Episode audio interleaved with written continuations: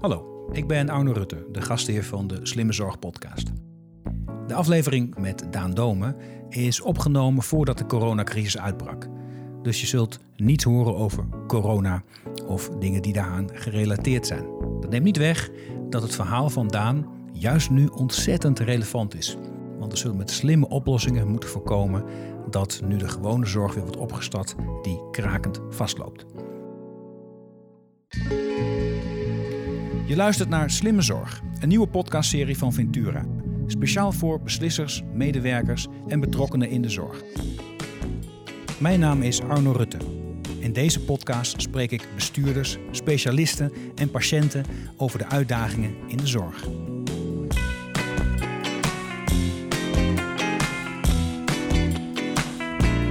Sinds het overlijden van mijn broer en mijn vader aan kanker zet ik mij iedere dag in om goede gezondheidszorg voor iedereen te waarborgen.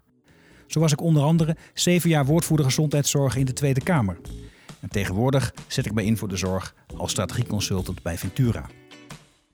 In ons vergrijzende land is het behouden van goede zorg voor iedereen een grote uitdaging.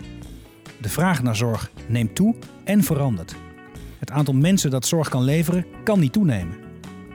Als we niets doen, loopt de zorg vast in een zorginfarct. Daar maak ik mij druk om. In deze podcast ga ik samen met mijn gasten op zoek naar de oplossingen waarmee we het zorginfarct kunnen voorkomen. Mijn gast voor deze allereerste aflevering is niemand minder dan Daan Domen. Ooit wilde hij dokter worden, maar hij werd uitgeloot. Wat doe je dan? Hij ging naar Twente. En kwam daar terecht in de nieuwe opleiding Technische Bedrijfskunde, Geneeskunde en Management. Daar ontdekte Daan de enorme mogelijkheden van moderne technologie voor de zorg. En na zijn studie richt hij dan ook op een zolderkamer in Amsterdam Focus Cura op. Bovendien promoveert hij cum laude met het proefschrift De I van e-health. En hierin beschrijft hij de stappen die nodig zijn om moderne technologie optimaal in te zetten in de zorg. Focus Cura is nog steeds een succesvol bedrijf. Maar Daan is inmiddels een stap verder. Hij is tegenwoordig CEO van Lucie, een van de bekendste bedrijven op het gebied van thuismeten en zorg op afstand. Ook is hij sinds 2015 lid van de Raad voor Volksgezondheid en Samenleving. Een duizendpoot met een groot hart voor de gezondheidszorg. Welkom Daan. Goeiedag. Ik val me gewoon met de deur in huis. Daan, wat is volgens jou slimme zorg? Ja, wat is slimme zorg? Wat volgens mij slimme zorg in ieder geval is, is dat het vooral gewone zorg is. Maar dat we op een slimme manier omgaan met hoe we die zorg leveren. En dat slimme zit er voor mij in twee dingen. Het ene is dat we het slim organiseren. En het andere is dat we ook slimme technologie gebruiken om dat te ondersteunen. Ja, slimme technologie, dan denken mensen allemaal aan hele ingewikkelde dingen. Maar zou je er wat, wat, wat meer over kunnen vertellen? Ik heb een moeder en mijn moeder heeft COPD. Ja. En, uh, COPD, voor de luisteraars, dat is een vervelende longaandoening. En die wordt steeds slechter eigenlijk. Ja. En ik begrijp dat, dat er allerhande oplossingen zijn voor haar om vanuit huis in de gaten gehouden te kunnen worden. Ja, En ja dus is, eigenlijk. is dat zoiets? Ja, dus wat ik met slimme zorg, met slimme technologie bedoel, is dat je eigenlijk kijkt van hoe kan je nou met behulp van techniek uh, op afstand contact hebben met de dokter, uh, op die momenten dat het nodig is contact hebben enzovoort. En misschien een voorbeeld, iets anders dan COPD, maar. Ja. In mijn eigen uh, familie is uh, um, iemand die ontzettend ziek is, uh, kanker heeft. Oh, um, en ik heb hem in dat traject wat hij heeft meegemaakt een aantal keren gezien hoe dat, wat dat voor hem betekent. En los van ja. alle emoties en dingen die je meemaakt, moest hij een aantal malen doodziek van de chemo gewoon een uur in de auto zitten om letterlijk in het ziekenhuis aan te komen, een half uur wachten, op een weegschaal te staan, drie vragen te beantwoorden. En er werd gezegd, nou alles is goed en ga maar weer naar huis. Ja. Um, en ook dat soort dingen, denk ik dan, dat zou je slimmer kunnen doen. En Ja. uh, hij zei ook van, goh, maar ik meet mezelf iedere ochtend. Waarom kan ik die gegevens nou niet gewoon opsturen? Um, Ja. En als ik echt een vraag heb, dan kan ik eigenlijk helemaal niet terecht. Dus kan ik dan niet makkelijk even een chatje of een berichtje sturen. Dus dat soort kleine dingen zijn voor mij al heel erg slim als je patiënt, maar ook als je zorgverlener bent. Maar moet je dan goed zeggen dat je met behulp van techniek maak ik de, de zorg misschien wel menselijker en warmer? Want daar zijn ontzettend veel mensen bang voor. Hè? Die zeggen, nou, dan gaat de techniek het overnemen.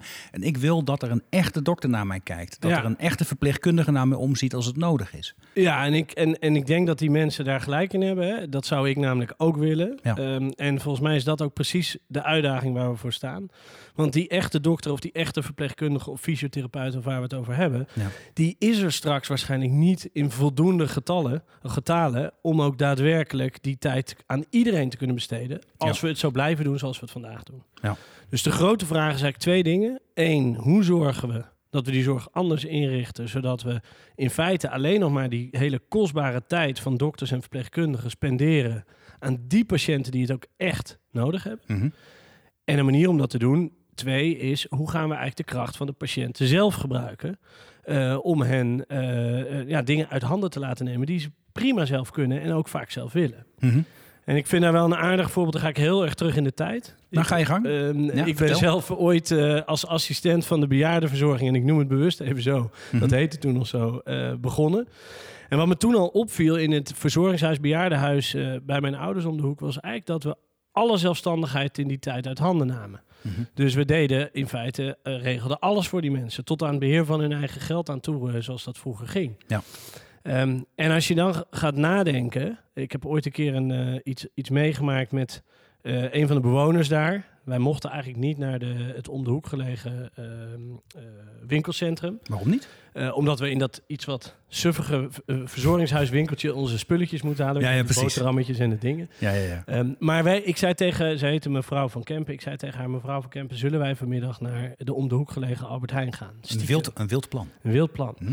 Dus wij met z'n tweeën daar naartoe. Ja. En eh zij pakte, ze zat in een rolstoel, zo'n band om de nek. Ik geloof dat ze iets van 2, 83 jaar oud was. Zij pakte de spulletjes op haar scho- schoot. Mhm. En ehm, vervolgens kwamen we bij de kassa. En wat ik niet wist, was dat er maar één pad was waar je met de, eh, de rolstoel doorheen kon. eh, omdat die breed genoeg was. Dus wij Ja. kwamen met die rolstoel aan en boem, we zaten klem vast. Eh, ik kreeg enorm op mijn sodemieter Ja. wat ik daar deed. Want de technische dienst moest komen om haar te bevrijden. Ja. Maar mevrouw van Kempen zei Pardon? De Ja, dienst. om haar uit die benarde positie te halen. En daar stond je als de bonte hond. En daar eh. stond ik als de bonte hond. maar mevrouw van Kempen zei tegen mij... Daan, dit is het leukste wat ik de afgelopen tien jaar heb meegemaakt. En dat voorval, dat is op een of andere manier in mijn hoofd blijven zitten. Dat we in alles wat we doen Mhm. eigenlijk ook nadenken... hoe kan die patiënt of hun naaste zelf iets doen... Ja. zonder dat lijntje met die dokter of verpleegkundige te verliezen. Want dat is natuurlijk wel waar het in de zorg uiteindelijk over gaat. Ja, precies. Nou, er zijn er wel heel veel mensen die zeggen, joh, maar die mevrouw van Kempen, die zat in ieder geval nog veilig in dat wat toen nog heette verzorgingshuis of bejaardentehuis. En wij moeten maar het zelf zien te redden Ja. thuis. En ik kan het zelf niet redden. Ik Nee. vind het wel heel spannend. Nou, wat nou als er met mij iets misgaat? Kan slimme zorg daar iets in betekenen, wat jou betreft? Nou, ik denk dat het een hele terechte vraag is. Ook als je eh, kijkt naar de actualiteit van wat je va- vaak leest en hoort. Dat mensen op dit moment echt tussen wal en schip landen. Hè. Ze Ja. kunnen niet een verpleeghuis in. Ehm, omdat ze daar eigenlijk te goed voor zijn. En ze moeten of willen thuis blijven wonen. Maar Ja. dat gaat eigenlijk niet meer. Ja.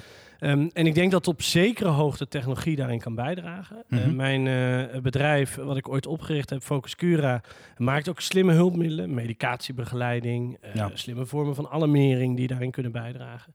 Ehm, maar alleen daarmee zijn we er niet. Dus Nee. we moeten daar het maximale in gaan doen om dat te gebruiken. En dat kan nog veel meer dan nu. Mhm. Maar tegelijkertijd moeten we ook heel reëel zijn wanneer dat niet toereikend is. En ook daar voorzieningen voor hebben. Ja. Ehm, en dat is misschien nu wel een beetje doorgeschoten de afgelopen tijd. Dat het echt Ja. het ene of het andere uiterste was. Ja, precies. Dus zeg maar, slimme zorg in jouw vorm, vormen van e-health, slimme techniek, zijn geen panacee van alle oplossingen. Want dat merk ik heel sterk als ik in, in, in dialoog ga met mensen, of bijvoorbeeld in, op so- social media over dit Ja. soort onderwerpen. En ik zeg, ja, we hebben een, er dreigt in Nederland een zorginfarct. Er werken nu 1 op de 7 van de mensen werkt in de zorg. Over 20 jaar, mind you, dat is ongeveer als ik met pensioen ga. Dat is al heel snel. Dan zou het 1 op de 4 moeten zijn. Ja, die mensen zijn er niet. Die gaan Nee. we ook niet vinden. Dus moeten we investeren in slimme zorg. En dan krijg je allemaal mensen over me heen die zeggen... ja, ja, makkelijk met e-health. En je had de verzorgingshuizen niet dicht moeten doen, et cetera. Het is heel erg zwart-wit wat dat betreft. Eh, maar jij zegt ook, het is ook niet zwart-wit. Nee, het, is niet zwart-wit. En ik denk dat we ons ook heel goed moeten realiseren dat ook technologie aan zich en, en de manier waarop dat tot stand gekomen is, ook niet zwart-wit is. Er wordt altijd gewezen naar bijvoorbeeld een boeking, hè, een booking.com. Nou, dat is toevallig door een oud huisgenootje van mij ooit opgericht in 1996. Ja. Ehm, Geert-Jan Bruinsma, hij ging met zijn fietsje eh, langs de hotels om te vragen of die nog kamers over hadden, die hij dan op een internetplatform kon zetten. Zo zo. Ehm, dat is echt zo begonnen. Ja, ja, geweldig, maar. En nu zeggen we, ja, maar boeking en ja, maar zus. En dat is er allemaal, dat zijn we gewend. Nou. Maar realiseer je dat dat dus in 1996 begon. Ja. Dus dingen hebben tijd nodig. En dat is nou natuurlijk wel de crux waar we nu in zitten in deze tijd. die tijd hebben we eigenlijk steeds minder. Want de Ja. druk op de zorg wordt steeds groter. We hebben te lang gewacht. We hebben lang gewacht en Ja. we zijn nog steeds eigenlijk niet echt aan het kiezen. Maar ik zie nog heel veel in Nederland dat het helemaal geen leiderschap is van we gaan hier vol voor. Ja. En ehm, we gaan dat ook daadwerkelijk dan ook echt een, een, een transformatieproject van maken wat langdurig is, wat fundamenteel is. Mhm. Het zijn nog steeds heel veel projectjes. Ja, precies. En gelukkig zie je nu voorbeelden. eh, het UMC Utrecht, eh, Isala, eh, Jeroen Bos ziekenhuis, Franciscus, ehm Wilhelmina ziekenhuis Assen, ook een kleiner ziekenhuis, die echt kiezen hiervoor. Mhm. En dat betekent dat ze dus langjarig bereid zijn om te investeren. Tijd vrijmaken van medewerkers om ook te experimenteren en ervaring op te doen. Ja. Wat werkt wel en wat werkt niet. Ja. Ehm, en ook bereid zijn om daarin eh, daadwerkelijk fundamentele keuzes te maken. En nou, dat is volgens mij echt nodig.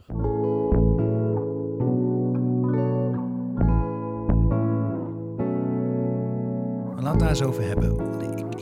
Van dezezelfde zorginstellingen.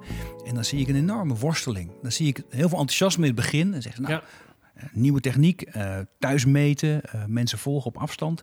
Ehm, kan allemaal. Techniek wordt geïmplementeerd. Blijkt vaak niet zo heel ingewikkeld te zijn. Ehm, patiënten zijn snel enthousiast. Zeggen, hey, dit werkt. Ik word goed in de gaten gehouden. En dan na een patiënt of 30, dan is het projectgeld op. Ja. Is de pilot voorbij. En dan, dan strandt het. Ja. Dan, eh, wat, wat gaat daar dan mis? Wat is er volgens jou nou nodig om te zorgen dat we van, van een wereld met pilots en proeftuinen komen... een wereld waarin het heel normaal is om slimme zorg in te zetten... slimme techniek in te zetten om zorg houdbaar te houden? Nou, wat er voor mij echt nodig is, en het klinkt misschien heel raar, maar ik zal dat uitleggen. Maar wat voor mij echt nodig is, is dat professionals, en dan met name artsen, verpleegkundigen, als we het over bijvoorbeeld een ziekenhuis hebben, daadwerkelijk 100% zelf achter deze technologie staan, er vertrouwen in hebben, het leuk vinden, ehm, nou ja, en daar echt in geloven. Maar jij bent hier heel lang mee bezig. Ja, Dus je loopt er kennelijk nog steeds tegenaan dat dat niet altijd zo is. nee. En, dat en heeft- soms wel. soms is dat wel het geval. En hoe komt die omslag dan tot stand? Nou ja, het- misschien even waarom ik denk dat het zo ontzettend belangrijk is. Hè? Want iedereen die zegt vaak, eh, het gaat over patiënten en die patiënten zouden dit moeten willen enzovoort. En ja, daar ben ik het mee eens. We doen dit uiteindelijk voor de betere patiëntenzorg. Ja. Ehm, maar patiënten zijn eigenlijk veel vooruitstrevender als wij denken. Die willen dit best wel proberen. Alleen die zullen dat alleen maar doen op het moment dat hun zorgverlener, die zij vertrouwen, Ja. daar ook daadwerkelijk achter staat. En ik heb in mijn eigen promotieonderzoek met name hier naar gekeken. Mhm. En wij zagen dat er dus projecten waren of diensten waren waarbij de verpleegkundigen er eigenlijk geen tijd voor hadden, niet achter stonden, niet voor betaald kregen of Ja. wat voor reden dan ook. Ja. En die zeiden dan, ja, dat is wel leuk en dat is een project, maar ik denk dat dat voor u niet geschikt is. Ja. En dan was de kans dat die patiënt dat ging doen heel klein. Ja. Terwijl er ook voorbeelden waren waarbij die verpleegkundigen of artsen zeiden: Ja, hier, dit moet u doen, dit is goed voor u. En dan waren die patiënten extra gemotiveerd. Ja. Nou, hoe komt nou dat vertrouwen? Ik denk dat er drie dingen zijn. Eén, het gaat om dat het voor de verpleegkundige of de, eh, de arts ook daadwerkelijk echt makkelijker wordt. Oké. Wat je zie je vandaag nog allerlei systemen die naast het elektronisch patiëntendossier staan, waar ze apart moeten inloggen, wat een heel gedoe is. Ja. Dat is één. Het moet makkelijk zijn. Dus een En- makkelijke infrastructuur waarin deze techniek gewoon een logische plek heeft. Eh, wa- precies. En waar het ook voor de verpleegkundige of dokter gewoon eenvoudig is om te gebruiken. Ja. Twee, ehm, er moeten voldoende of de juiste financiële prikkels zijn. Dus dat betekent dat eh, zij ook gewoon vergoed worden voor de zorg die ze Mhm. leveren. Ja. Ehm, ook dat is niet altijd nog het geval. Er zijn wel hele mooie initiatieven, maar hoe dat doordruppelt in een ziekenhuis, dat is nog lang niet altijd op de manier waarop dat eigenlijk zou moeten. Ja. En drie, ehm, er moet ook gewoon tijd en ruimte zijn om hiermee bezig te zijn. Wat ik heel veel in de praktijk zie, is dat verpleegkundigen, en met name, want die doen het meeste werk in dit soort type slimme zorg, Ja. dat die in feite wordt gezegd, ja, je moet alle productie draaien. En Wat je moet altijd al deed, alles komt erbij. blijven doen, Ja. maar dit komt er bovenop. Ja, precies. Ja, dan En houdt het ook echt op. niet. Nee. nee. Ehm, dus, Dus ja, het is een investering eigenlijk in tijd die je moet doen, zoals bij ieder project. Hè, als je zegt, ik ga veranderen, dat kost eerst tijd, kost een investering. ja, Om daarna structureel tijd over te houden om meer patiënten te kunnen zien, anders te kunnen zien, anders Ja. te kunnen begeleiden. Ja, en als aan die randvoorwaarden voldaan wordt, Mhm. ehm, dan is er eigenlijk nog een hele belangrijke laatste punt, wat vooral ook in de relatie zit tussen leveranciers van dit soort technologie Mhm. en eh, de ziekenhuizen of de specialisten die hiermee werken. Mhm. Ehm, en dat is dat er over en weer vertrouwen moet zijn. Wij hebben met Lucy daar heel erg in geïnvesteerd. Dat we zeggen, wij kunnen heel erg goede technologie maken die super gebruiksvriendelijk is, integreert in het elektronische patiëntendossier enzovoort. Ja. Maar uiteindelijk heb ik de expertise nodig van die dokter of die verpleegkundige die weet hoe het is om patiënten te zien. Ja. En wij hebben daar het concept van de Lucy Specials voor bedacht. Waarbij we dus eh, letterlijk Lucy als Lego-doos hebben neergezet. Mhm. We met dokters, verpleegkundigen om tafel gaan. Bepalen wat zij nou voor metingen thuis willen. Voor vragenlijsten, voor educatieve programma's enzovoort. Dus Ja. zij richten het zelf in. Ze kunnen dat vervolgens gebruiken voor hun eigen patiënten. En als het werkt, kunnen zij het delen met alle ziekenhuizen in de wereld die met Lucy werken. En dan krijgen ze ook nog eens 70% van de opbrengsten daarvan terug. Zodat ze bijvoorbeeld verder kunnen ontwikkelen, onderzoek kunnen doen enzovoort. Oké, maar het idee is dat je dan de, de arts en of de verpleegkundige mee laat ontwikkelen Exact. aan de techniek. Dus het is Ja. niet iets wat van buiten komt, van hier, kijk, dit moet je gebruiken. Ja. Maar je mag je mee, mag je Mee spelen, ontwikkelen. mee ontwikkelen aan de slag. En dat niet alleen. Als het een succes wordt, mag Ja, je ook mee profiteren van dat succes. ja, dat is Weet je, en dan is er een gelijkwaardige relatie waarin we ook allebei eh, er alles aan willen doen om dit een succes te maken. En daar geloof ik heel erg in, want we hebben elkaar keihard nodig. Ja, zeker. Ja, want ja, ik bedoel, dat, dat is een van mijn, eh, mijn uitdagingen. De mensen zijn gewoon op. Ja. Een enorme uitdaging. Niet alleen in Nederland. Hè. En de hele, hele westerse wereld vergrijzen we als een dolle. Mensen raken op. We hebben er iets te doen. En, en vind het enorm lastig om, het, om, om, om dat op te pakken met elkaar. Ja. Dus, dus elke samenwerking die je tot stand kunt brengen... waar mensen zeggen, we gaan het echt anders doen... en ik geloof daarin en ik werk eraan mee... ja, daar geloof ik heel erg in. Dus dit zijn wel mooie ontwikkelingen. Ja, nou, dus ik ben hier heel enthousiast over. Er zijn ook echt dokters worden er hier heel blij van, vinden het erg leuk. Verpleegkundigen Ja? ook. Ja, Nou, dat is wel mooi. Want zij zitten in één keer zelf aan het stuur. En, Mhm. en dat vinden ze gaaf. Ja. En voor bestuurders, hè, want dat is natuurlijk nog een andere groep die heel belangrijk is in deze ontwikkeling. Betekent het dus ook dat ze echt leiderschap eh, zouden moeten tonen. En dat zijn er gelukkig ook, ook mensen en steeds meer die dat doen. Wat bedoel je met bestuurders? Dat zijn zieke, mensen die de raad van bestuur van een... eh, die, die in het bestuur van een, hè, de raad van bestuur van een ziekenhuis bijvoorbeeld. Zorgverzekeraars? Eh, zorgverzekeraars, thuiszorgorganisaties. Om ook echt over je eigen schaduw heen te stappen en te denken van... hé, hey, hoe ziet nou mijn organisatie van de toekomst uit? Ja. Ehm, ING vind ik een, een mooi voorbeeld. Komt niet natuurlijk uit eh, de zorg. Maar Nee. Ik heb zelf in de adviesraad eh, van de ING gezeten... een tijdje voor de gezondheidszorg. En eh, ING is ook al zo'n bedrijf... wat hele lange tijd bezig is... om echt te transformeren van een traditioneel bankbedrijf... naar een, eigenlijk een ICT-bedrijf. Ja. Eh, maar dat gaat gepaard met een nieuwe cultuur. Dat gaat gepaard met ehm, hele andere competenties van medewerkers. Misschien zelfs wel nieuwe soort medewerkers. Mhm. En ook dat is dus een langjarige agenda. Waar je als raad van bestuur van een, een zorgorganisatie dus ook echt bewust in zal moeten investeren. Maar goed, ING maakt de stap. Hè. Zeggen we, waren een klassieke bank en we worden een soort ICT, financieel ICT-bedrijf. Hoe kijk je dan naar een, naar een ziekenhuis? Van een klassieke zorgorganisatie in een gebouw naar een, nog steeds een zorgorganisatie. Ja. Met mensen van vlees en bloed die dingen doen. Ondersteund door techniek of misschien zelfs wel een technologische organisatie. Hoe zie nou je dat? ja, ik denk beide. Ik geloof zelf heel erg dat we nog steeds echt locaties eh, nodig hebben waar we bepaalde diagnostiek of zorg eh, fysiek moeten en willen eh, verlenen. Ja.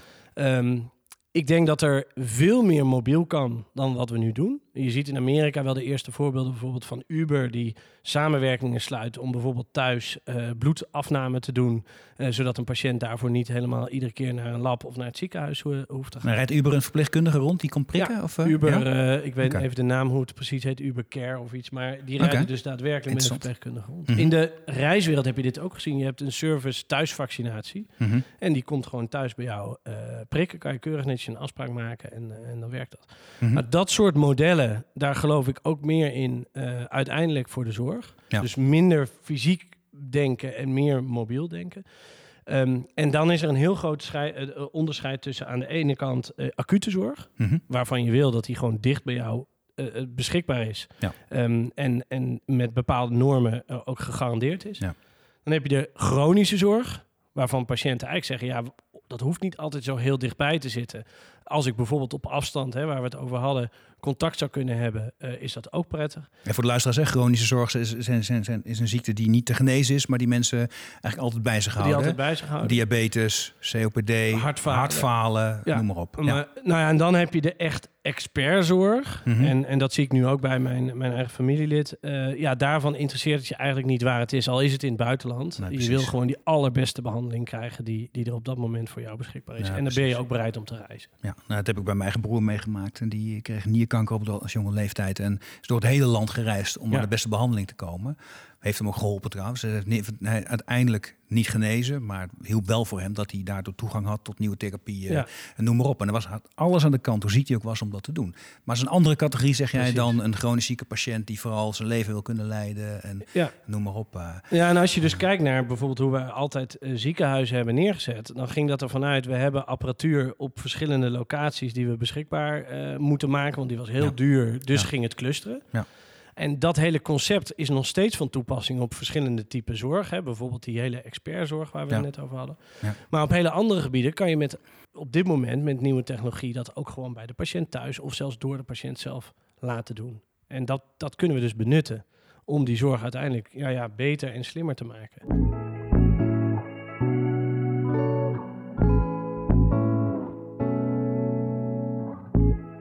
Is één onderwerp, een soort, soort, soort olifant in de kamer. En dan zeggen ze, ja, maar het gaat ook over geld. En dan gaat over geld gaat, gaat het over stelsels. In ieder geval, ik ben Ja. zelf politicus geweest. En dan ging het altijd over het stelsel. Door het stelsel kunnen dingen niet. Heel veel mensen veranderen niet, zeggen het komt door het stelsel. Nou, Ja. werk je met jouw bedrijf ook heel veel in Groot-Brittannië. Ja, Totaal ander zorgstelsel dan hier. Want de meeste mensen niet weten, wij werken met particuliere verzekeraars... waar wel iedereen tegen dezelfde premie wordt toegelaten voor, om zijn zorg te kunnen verzekeren. ja. En in Engeland ken je dat niet. Daar wordt de zorg door de overheid zelf georganiseerd en ook geleverd. Hè. Daar Ja. hoef je niet verzekerd te zijn. Als je er woont, kun je via de NHS, de National Health System, krijg je dan zorg. En ik had al het idee van, nou, dat heeft heel veel nadelen, heel veel politieke sturing in de zorg. Dat- Daar ben ik zelf niet zo'n heel grote fan van. Ja. Maar je kunt wel, als er een nieuwe techniek is, kun je wel meters maken. Want als we met elkaar zeggen, dit is de norm in de NHS, dan heeft morgen iedereen toegang tot die zorg. Ja. Wat is nou jouw ervaring? Nou, dat dacht ik ook. Oké, oh, dat was, ja, dus het was niet zo'n rare gedachte om mee te beginnen. dat was een hele goede gedachte. En toen? Ehm, en toen, ja, wat je eigenlijk ziet is dat die hele NHS inderdaad wel één NHS is. Hè. Het heet ook allemaal NHS. Ehm, maar vervolgens is het eigenlijk net zo versplinterd als dat het in Nederland is. Of misschien nog wel meer. Doordat het weer helemaal opgedeeld is in regiootjes, in budgetjes, in aparte ziekenhuizen. Ehm, dus je denkt het is allemaal NHS en, en dat geld kan dus ook heel makkelijk van A naar B. Ehm, maar dat is niet zo, want net zoals hier een ziekenhuis een budget heeft, heeft daar een ziekenhuis ook een budget. Ja. Ehm, alleen wordt het door een regionale c- commissioning group wordt dat budget gegeven, eh, waar dat in Nederland eh, door een verzekeraar gebeurt. Ja.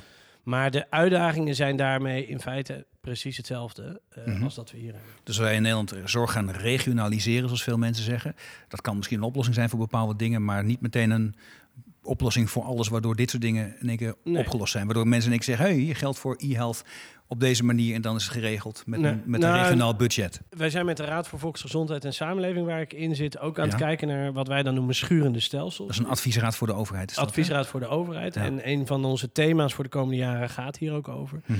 En wat eigenlijk, eh, wat ik vooruitlopend op de discussies en onderzoek wat we daar gaan doen, wat ik, wat ik zie, is, is twee dingen. De ene is, ehm, we maken best wel een, een, een- in mijn ogen ehm, een verschil tussen, wordt nou iets bedacht, wat wellicht landelijk gewoon bedacht kan worden, maar Mhm. vervolgens heel lokaal geïmplementeerd, waar verschillen tussen regio's of organisaties enzovoort zitten. Mhm. Dat ga je niet oplossen door in één keer alles naar de regio te brengen. Nee. Eh, daarmee los je de lokaliteit wel op en het implementeren, maar niet dat we misschien wel een, een, een, een landelijke regel of stelsel of iets willen hebben. Ehm, en het tweede eh, eh, wat je ziet is dat uiteindelijk die, ehm, eh, het lerend vermogen, zoals wij dat noemen, dat dat volgens mij veel meer het grote, de grote uitdaging is. Hoe zorgen we nou dat iets wat in, in regio A of in ziekenhuis A of door dokter A bedacht is, Ja. daadwerkelijk als het werkt, navolging vindt op heel veel andere plekken. Ja, dat die ander ook vertrouwt van, hé, hey, als ze daar kunnen, dan kunnen wij dat ook. Ja. We hoeven niet allemaal opnieuw te doen. En dat is best lastig hoor, Arno, als ik Ja, eerlijk ben. Want wij hebben dat met, met bijvoorbeeld COPD-projecten natuurlijk ook. Ja. We hebben heel veel onderzoek gedaan, Mhm. eh, doen nog steeds veel onderzoek. En er is ook gewoon heel veel verschil tussen eh, ziekenhuizen en manieren waarop er gewerkt wordt. Ja. Er is wel één richtlijn, maar we zien tegelijkertijd dat er wel verschil is ehm, tussen hoe dat eh, in de verschillende ziekenhuizen eh, wordt, hoe iets wordt ingezet, wat de uitgangspositie is, hoe de arbeidsmarkt in een eh, regio is. Nou, ik kan me voorstellen. Nee, maar ik, ik, dat, dat, dat, dat project, hè, COPD in, In beeld, beeld, dat is ja. in de Achterhoek gedaan. Hè? En Ja. nou, dat, dat is een succesvol traject. Ja. Ehm, maar zeggen anderen, ja, maar daar is wel één hele grote dominante thuiszorg aanbieden. En als je Ja. daar in de buurt van de stad als Arnhem gaat kijken, dan heb je in één keer 60 aanbieders. Dan wordt Ja. het een stuk lastiger om dit te regelen. Ja, dus en zulke situatie is wel, wel die wat situaties zijn best wel bepalend voor de effecten. Ja. Tegelijkertijd moeten we ook weer niet overdrijven dat we nou die effecten weer het doel of heilig gaan, eh, gaan, eh, gaan maken. Want ik bedoel, als het nou in het ene ziekenhuis 50% of 51% was bij COPD in beeld, Mhm. Potentiële, potentiële kostenbesparing is. En het is in het andere ziekenhuis 30% en weer in een andere 20%. Dat is nog steeds de moeite waard. Het is allemaal nog steeds de moeite waard. Ja. Want één ding komt uit al die trajecten, Mhm. en dat durf ik echt met mijn hand op mijn hart te zeggen, is dat zeker 90% van de patiënten dit ontzettend fijne zorg vindt. We komen terug bij die patiënt. want Dat is Ja. interessant. Dat is een soort constante. Dat is ook logisch, want daar heb je uiteindelijk zorg voor. Dan zeg je, de, de, we moeten op zoek naar het ont- ontluiken van de kracht van die patiënt. Dat hij heel veel dingen ook echt zelf kan doen in zijn, in zijn behandeling. En dat is volgens mij, als ik je goed begrijp, iets heel anders dan dat je die patiënt aan zijn lot overlaat. Dat je zegt, nou zoek het zelf maar uit. Maar dat je die patiënt dingen laat doen die hij ook echt zelf kan en vaak ook zelf wil doen. Ja. Heb je daar een voorbeeld van? Nou ja, wat ik net al zei met mijn eigen familielid, hè, die, Ja. die zou dus prima thuis eh eh, vragen kunnen invullen, zou prima zijn eigen eh, gewicht, glucose enzovoort kunnen bijhouden. En zou Ja. dat ook heel graag willen, waardoor er een veel beter beeld zou ontstaan over het verloop van zijn ziekte. Ja. En hij zelf de mogelijkheid zou hebben om, om een laagdrempelig contact te hebben. Dus dat is een voorbeeld. Een ander voorbeeld, Mhm. atriumfibrilleren. Wat is dat? Wat is dat? Een ritmestoornis, een van de meest voorkomende ritmestoornissen. In je hart. in je hart. Ja. Eh, met name onder ouderen. Mhm. Ehm, wat je daar nu ziet is als, als, zij, als patiënten die gediagnosticeerd boezemfibrilleren hebben, hè, dus de dokter heeft vastgesteld dat dat boezemfibrilleren optreedt, dan moeten deze patiënten om de, eh, eh, vaak gaan ze een traject in, waarbij er eerst met medicatie en later eventueel met een elektrische shock, een cardioversie, en, en eventueel later Klinkt eng. nog weer met andere eh, medische mogelijkheden. Ja. Die ritmestoornis wordt geprobeerd te verhelpen. Ja. Dat is belangrijk, want als dat hart die stoornis heeft, is er een veel grotere kans op, op ontstaan van hartfalen of zelfs een, hart, of een herseninfarct. Ja, dan wordt het steeds erger. Ja, Wordt oké. steeds Ja. Nu is het zo dat als patiënten in dat, in die, dat, dat systeem zitten, en mijn vader heeft dat zelf meegemaakt, dan eh, zijn ze heel onzeker. Dat is logisch, hè, want je hebt iets aan je hart. Ja. Dus als er wat zo'n ritmestoornis, als ze iets voelen, dan hebben ze de neiging om meteen naar de eerste hulp te rennen. Ehm, dat is lang niet altijd in, binnen kantooruren. Ehm, Nee. En de eerste hulp is chronisch overbelast. Hè? is overbelast. Ja. Dan komen ze binnen met een hartklacht. Eh, laat staan, eh, als het niet in hun eigen ziekenhuis is, zijn ze misschien zelfs onbekend. Ja. Gegevens zijn niet uitwisselbaar. Dus de rode vlag gaat omhoog en we trekken de hele zantenkraam open Ja. om te helpen. Hartstikke goed dat we het doen. Mhm. Maar wat nu als die patiënt thuis met een slim apparaatje zelf zo'n ECG kan maken? Kunstmatige intelligentie analyseert of er daadwerkelijk sprake is van zo'n hartritmestoornis. Ja. En indien dat het geval is, meteen een verbinding opzet met een medisch service center. Wat op afstand contact met jou heeft, wat toegang tot jouw dossier heeft. En kan zeggen: Goh, neem medicijnen. Ja, u moet wel naar de spoedeisende hulp en we Ja. zullen zorgen dat ze klaarstaan. Of niks aan de hand, maak je zich geen zorgen. En maandag kijken we verder. Is, dit, is, dit, is dit science fiction of kan dit al? Dit klinkt als science fiction, maar dit gebeurt. Cardiologiecentrum Oh. Nederland Ja. eh, eh, doet dit bijvoorbeeld met Hartwacht. Ook een Mhm. project waar wij bij betrokken zijn. Mhm. Wij hebben zelf recent een samenwerking met Koala gesloten. Een eh, start-up uit Zweden die dit soort technologie heeft ontwikkeld... met 87% betrouwbaarheid dat nu kan. Mhm. Ja, en je ziet dat de winsten daarvan variëren tussen de 30 en zelfs 70 procent eh, minder spoedeisende hulpopnames. Eh, al dus Zilveren Kruis, die daar op basis van hun declaratiedata naar heeft gekeken. Dus, die, dus, dus de patiënt in dit geval, die kan zelf een meting doen. Wil Ja. dat waarschijnlijk ook zelf. Want niemand vindt het leuk om hals over kop naar spoedeisende hulp te gaan. Exact. En kan snel gerustgesteld worden. Of het is niet goed, maar dan kun je ook gericht naar de spoedeisende Ja. hulp. En dan hou je dus zoveel mogelijk de, de zorg planbaar. Als de Ja, patiënten zelf naar het roer komen. En, En, en die oudere patiënten, die zijn vaak oudere Ja. patiënten. Die kan dit ook. Die kunnen ja, met de dus voeten. eh, wij hebben daar wel wat onderzoek naar gedaan. Wat we in, over het algemeen zien is dat zo'n 10% van de patiënten, zoals we dat nu ongeveer inschatten, een promovendus van mij kijkt daarnaar, eh, die, die kunnen hier niet meer overweg met dit soort mogelijkheden. Die worden er zenuwachtig van. Ja. Hè, die gaan de hele tijd metingen doen. Eh, Ja. We hadden een patiënt in een project in Utrecht voor hypertensie. Wat is dat? Dat is hoge bloeddruk, hè? Ja. Eh, en die eh, nam iedere keer als ze een, eh, eh, een dropje had gegeten, ging ze een meting doen en dat insturen naar de dokter. Ja, dat is niet helemaal de goede timing. nee. dus, dus die patiënten willen dit niet. ik Kunnen moet het zeker niet doen. Ik, drink, ik eet halve zakken erop leeg. Dus dat Nee, is, ik dat- niet geschikt hè, voor die voor meting. jou, nee, nee. Nee, dus die, die groep patiënten die, die kan dat niet. Maar Ja. over het algemeen zien we dat zeker als de dienstverlening heel duidelijk is, Mhm. terwijl wat, dat ze heel goed weten wat ze eraan hebben, ja, dat mensen heel gemotiveerd zijn en het heel goed kunnen. Techniek moet dan wel simpel zijn, ja. maar goed, dat kunnen we tegenwoordig vrij goed doen. We hebben nog een enorme potentieel wat we kunnen ontluiken. Ja. En dat is de patiënt zelf. Ja, die- dat denk ik. Met makkelijke techniek, goede techniek te ondersteunen. Ja. Heel interessant. hey, dat brengt mij bij een rubriek, eh, Daan. Ja, Waarin ik eh, de gast van de week, en dat ben jij, vraag van... joh, heb je nou nog een, een idee wat, wat de luisteraar zelf zou kunnen doen... op het gebied van, noem maar, slimme zorg of slim organiseren... Om, om te voorkomen dat we in dit land in een zorginfarct terechtkomen? Wat zouden mensen zelf kunnen doen? Nou, wat ik denk dat mensen vooral zelf kunnen gaan doen is eh, ehm, eh, volg je hart. En als jij denkt, dit is nou iets waar ik zelf echt mee aan de slag wil, ga dan niet alles tot in de treuren zitten uitdenken hoe het zou moeten zijn, hoe de business case is, hoe et cetera, et cetera, et cetera is. Maar begin gewoon. Zet die eerste stap, misschien met vijf patiënten, misschien zelfs met gezonde mensen, om het Mhm. gewoon eens uit te proberen, je idee. En ga langzamerhand dat implementeren en, eh, en leren van hoe die dingen werken. Wat ik heel veel zie in de praktijk is dat we met z'n allen dan een idee hebben. Dan gaan we daar uren, maanden, weken, jaren, weet ik het wat, over praten. Business case. Business cases maken, enzovoort, enzovoort. Ja. En uiteindelijk beginnen we niet. Nee. En vaak worden die business cases gemaakt met het idee... wat als tienduizenden patiënten dit gaan doen? Wat als iedereen hiermee aan de gang gaat? Mhm. Maar omdat we blijven praten, gaat er helemaal niemand mee aan de gang. Ja. En de meest succesvolle projecten die ik zie... zijn de trajecten die gewoon beginnen. Nou, Zo simpel is het, Arno. Ja, ja, dat klinkt wel goed. Ja, voor mij ben je zelf ook zo met je bedrijf begonnen. Gewoon maar beginnen. Ja, Het is En een het beetje, on- beetje uit de hand gelopen inmiddels. ja dat wel. Maar Ja. het, het, het onbekende en het spannende... dat maakt het natuurlijk ook wel weer heel erg gaaf. Ja. Althans, dat vindt natuurlijk niet iedereen. Hè. Je hebt mensen die houden van de zekerheid. Maar ik, in mij sprak dat in ieder geval heel erg aan. Ja, misschien maakt jou dat een ondernemer. Het zou Ja, kunnen, hè? Ja, je, weet het maar nooit. hè. en maar al, je bent gewoon aan de slag gegaan dus. Ja, Eh, niet zomaar, wel over nagedacht, maar toch aan de slag. Tegen van alles en nog wat aangelopen. Een aantal van die dingen heb je al, eh, heb je al verteld. Ehm, eh, maar stel nu, jij wordt morgen gebeld ehm, door, eh, door een nieuwe premier of door de huidige. En die zegt, Daan, we hebben over nagedacht. Jij wordt onze nieuwe minister van Volksgezondheid. ja. Ja, nou ja, even schrikken natuurlijk. Eh, maar dan eh, krijg je de sleutels van het ministerie, je stapt daar binnen. En wat is dan het eerste wat je gaat doen? Behalve dan de mensen leren kennen, geloof ik allemaal wel. Maar inhoudelijk, wat zeg je nou, dat ze moeten we echt in dit land gaan doen?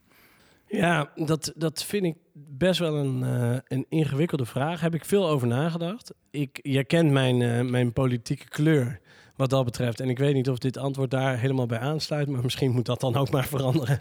Dat weet ik niet. Ehm, Maar je mag ook los van welke politieke kleur ook gewoon pragmatisch vanuit de praktijk denken van ja, maar dit zie ik. Ja, nou, ik ik denk dat mee. er twee dingen zijn die ik heel erg graag zou willen oppakken. Eén Ja. is, ik zou echt de, de inhoudelijke regie over de zorg veel en veel en veel meer weer bij professionals willen neerleggen. Ehm, ik snap waarom we protocollen, richtlijnen en al die regels hebben gemaakt. En, Ja. en dat is ook belangrijk.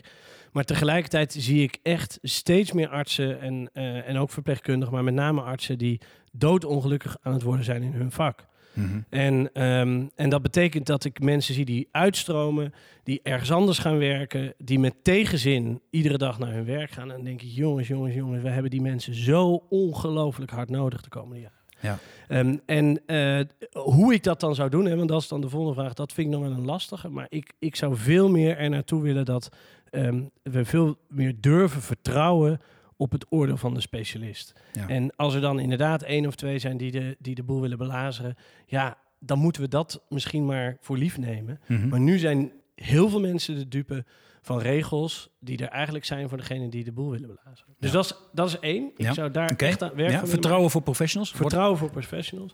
En het tweede wat ik heel graag, als ik het dan over mijn eigen vakgebied heb, over ICT heb, ik denk dat we als overheid eh, samen met het bedrijfsleven veel meer gewoon in een hok kunnen gaan zitten en zeggen, jongens, wij gaan het gewoon samen fixen.